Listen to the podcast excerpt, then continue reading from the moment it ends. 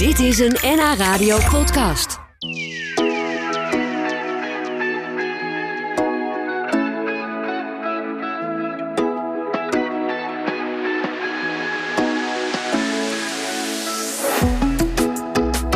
Historica Els Kloek uit Amsterdam was meer dan twintig jaar bezig met het zoeken naar Nederlandse vrouwen die in onze geschiedenis van betekenis zijn geweest, om wat voor reden dan ook. Ze verzamelde hun namen en ook wat ze deden in een online lexicon, een lijst waarin eh, talloze vrouwen te vinden zijn. En ze staan ook in het boek 1001 vrouwen in de 20ste eeuw.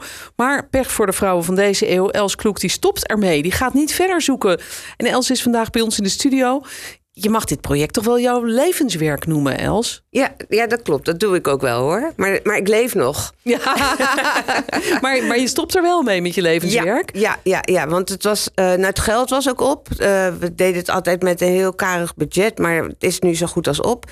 En uh, weet je, het is echt oneindig eigenlijk. Want uh, ja, er gaan nog steeds vrouwen dood.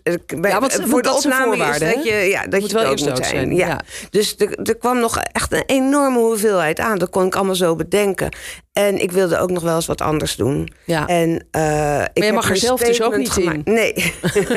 ik heb wel een groslijst, een, een kandidatenlijst achtergelaten. Ja, ja. Uh, want die hield ik al erbij. Dus bijvoorbeeld Margriet Eshuis, die stier vlak voordat ik uh, dat besluit wereldkundig maakte dat ik zou ophouden. Die heb ik nog wel snel op de groslijst gezet, op de ja, kandidatenlijst. Um, maar wat gaat er met die groslijst gebeuren? Want je, je hebt niet een opvolger of zo. Iemand nee, die het vanaf nu het stokje nee, overneemt. Ik heb er een paar jaar naar gezocht gezocht. Uh, en ook wel naar, met instellingen ben ik wezen praten. Of die het niet van me konden overnemen. Maar ik geloof dat iedereen wel inzag. Of aan zijn water voelde. Dat het heel veel werk zou zijn. Dus het lukte me niet. Ja, ja. misschien het bijhouden van, van belangrijke vrouwen nu. Dat, dat is nog te doen. Want hè, dat, dat kun je een beetje ja. naast je werk. Maar echt speuren naar vrouwen uit het verleden ja, dat, ja, dat, dat, kost natuurlijk heel veel tijd. Ja, dus uh, dat kost veel tijd. En bovendien, uh, weet je, het, het, is echt een encyclopedie. Hè? Dus het is heel erg feitelijk. En voor feiten moet je wel altijd even onderzoek gaan doen. Je, je kan niet zomaar uh, een, een ja, halfzacht verhaaltje over hoe bijzonder iemand is geweest uh, schrijven. Nee, het gaat om de feiten. Ja. En um, weet je, ik heb gewoon mijn statement gemaakt. En dat, dat was dat, uh, hoezo geen vrouwen in de geschiedenis kijken om je heen... en het wemelt van de interessante vrouwen. Ja, dat is ook waarom jij ermee begonnen bent, ooit? Ja, ik was uh, historica en ik uh, was gespecialiseerd in vrouwengeschiedenis.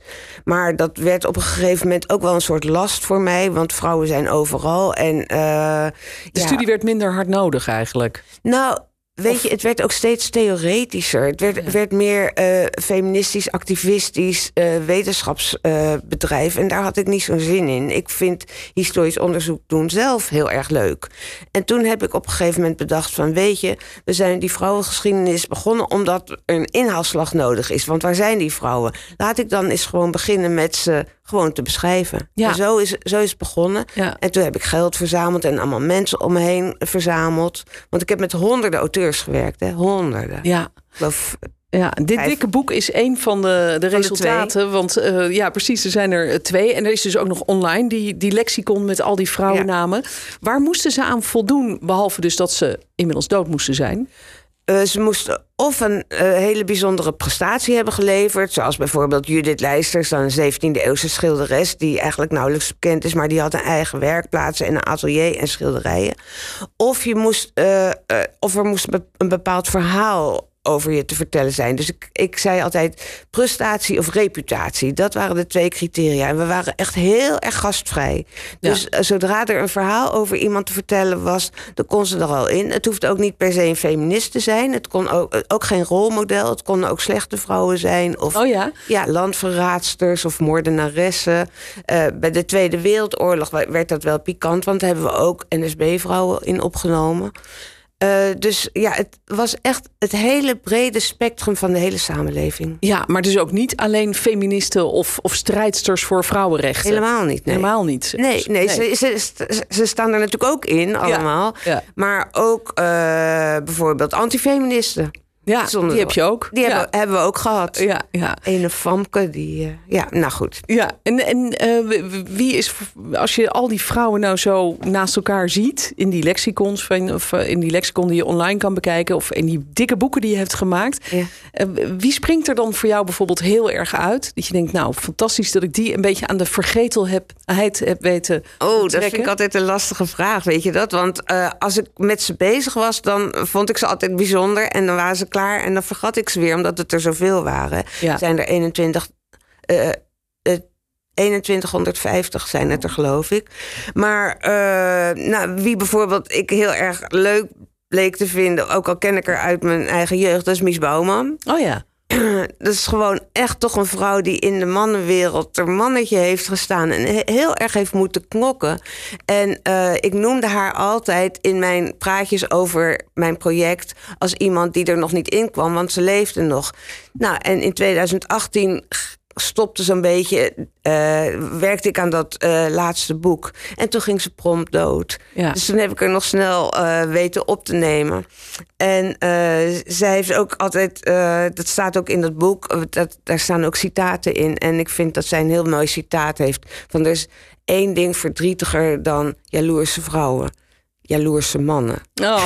Vind ik echt zo leuk. Ja, wat mooi. Ja, Ja. dat is echt heel leuk. Ja, ja, dus Mies Bouwman was, eh, was een goed voorbeeld van een vrouw die heel veel betekend heeft. We kennen haar allemaal nog, denk ik. Ja. En eh, die veel betekend heeft in de, ja, in de, in de media. Eigenlijk de eerste echte eh, vrouwelijke presentator die echt de grote Ja.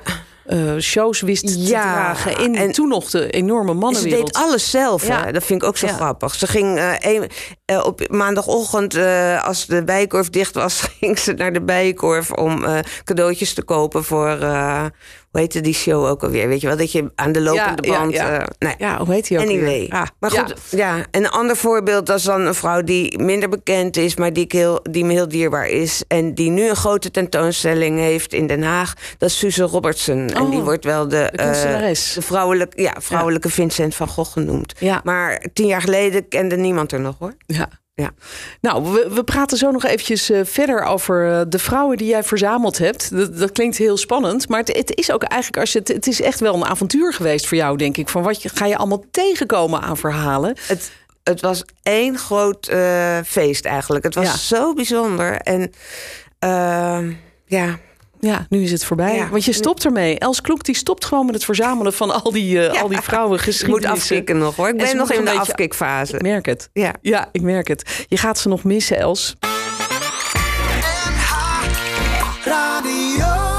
Al die vrouwen die in de geschiedenis van ons land van betekenis zijn geweest, die eh, staan met z'n allen in een lexicon. Waar je online in kan zoeken. Die blijft wel bestaan trouwens, toch? Ja, die, wordt die is gearchiveerd nu, www.vrouwenlexicon.nl. Eh, en wordt gehost door het Huygens Instituut. En die zullen er zorg voor dragen dat het eh, raadpleegbaar blijft. Ja, maar het wordt niet meer bijgehouden. Het wordt niet meer bijgehouden. Dat is eigenlijk best wel jammer. Want er zijn natuurlijk nog heel veel vrouwen die, die nu Ja. nog leven. Ja. Die daar misschien wel een plaatsje in zouden verdienen. Nou ja, ik heb een beetje mijn hoop gevestigd op Wikipedia. Want eh, daar zijn ze al door wel bezig om meer vrouwen, eh, aandacht te besteden aan meer vrouwen. Dus eh, ja, die kunnen ook gewoon bij de GOS-lijst en eh, die kunnen Ja. gewoon ermee aan de slag. Kan aangevuld worden. Wie was de allerlaatste vrouw die jij hebt toegevoegd aan de lexicon? Ja, dat was Hinderkien Siegers uit eh, Rode in Drenthe. En dat is een volkomen onbekende vrouw. En ik vond het wel mooi om haar als laatste eh, te publiceren. Want toen wij in de jaren zeventig begonnen met eh, vrouwengeschiedenis... toen hebben wij ons gemanifesteerd met een boekje en een affiche. En dat boekje, dat is dit, een tipje van de sluier, is uit 1976. En daar staat een anonieme houthakster op. Oh ja. En ik dacht... Wie is die vrouw? wie is die vrouw? nou, dat, het grappige is, in de jaren zeventig al, toen wij die, eh, dat affiche hadden en dit boekje, toen eh, was er iemand geweest en die had gezegd van... God, op, ik, zie op, eh, ik zie mijn grootmoeder staan op, de- Oh. op dat boekje. Dus er was al wat materiaal verzameld. Dus er was al een spoor naar deze vrouw. Dus ik heb deze Hinderkien Siegers een lemmaatje gegeven. Zo heet dat dan, een klein biografietje. En het was een vrouw uit... Rode in Drenthe. En ze eh, was ongehuwd. En ze had als ongehuwde vrouw twee eh, kinderen. En eh, ze heeft echt in grote armoede geleefd. en ze verdiende haar geld met het hakken van hout. En het verzamelen van Ja. het sprokkelen van hout. Ja. Ja.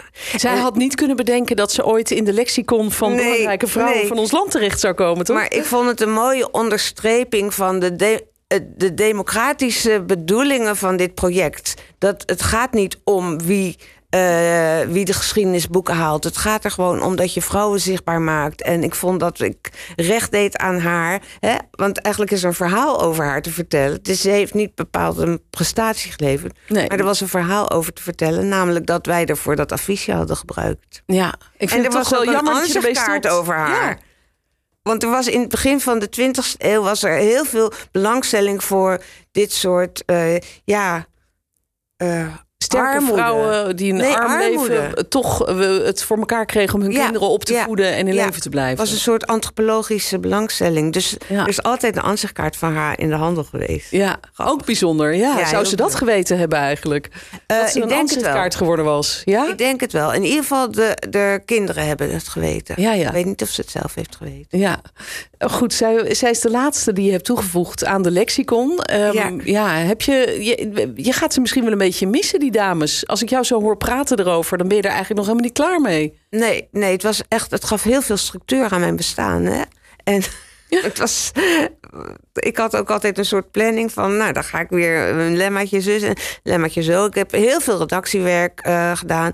En ik, zeker, ik miste, maar ik voel, voel me ook wel opgelucht dat er ruimte is nu voor andere dingen. Ja. En ehm, ik ben nu bezig met een, eh, een heel moeilijk eh, opdracht, namelijk een kort boekje schrijven, een kort overzicht over de geschiedenis van het feminisme. Dus dat gaat veel meer op een ideehistorisch niveau. Ja, ja. Maar ik, ga, ik merk ook al wel weer dat ik dat ook biografisch ga invullen hoor. Ja, dat is toch het leukste. Ja, de verhalen wel. Ja, van, over van vrouwen, mensen, over mensen. Geschiedenis gaat over mensen. Ja, vind ik ook altijd inderdaad. Daardoor gaat het echt leven. Ja, Ja, als je, dat- eh, zeker als je een naam erbij hebt en een, misschien zelfs een afbeelding, zoals dat in jouw eh, lexicon Ja. het geval is. Of waar mogelijk heb je ook afbeeldingen En eh, dan erbij. Krijg je de geschiedenis te pakken. Ja, En, en daardoor, ja, ik ben gewoon niet echt een groot theoretica. Dus ik, ik denk dan van, oké, oh zo zat het. Snap je? Is het- ja. Het is gewoon een tijdmachine. ja, Om mooi. op zo'n manier naar mensen in het verleden te kijken. Ja. Ja. Ja, nou deze tijdmachine sluit je even af, maar er, Ja. er zijn er nog meer. Eh Dank je wel voor al het goede werk wat je gedaan hebt. Nou, graag. krijgen ook eh, waardering van de luisteraars. Wat een fantastische klus heb je geklaard.